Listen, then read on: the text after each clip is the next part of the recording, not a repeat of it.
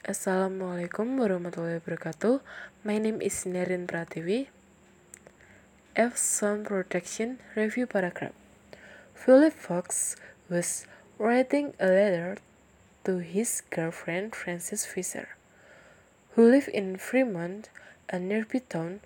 Philip wrote telling Frances of his great affection for her. He said that he would follow her everywhere.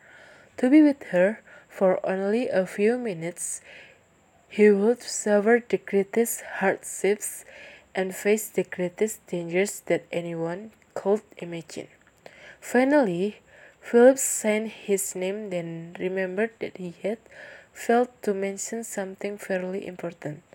So, in a postscript below his name, he added, By the way, I'll be over to see you on Friday afternoon at about 5 o'clock if it doesn't rain.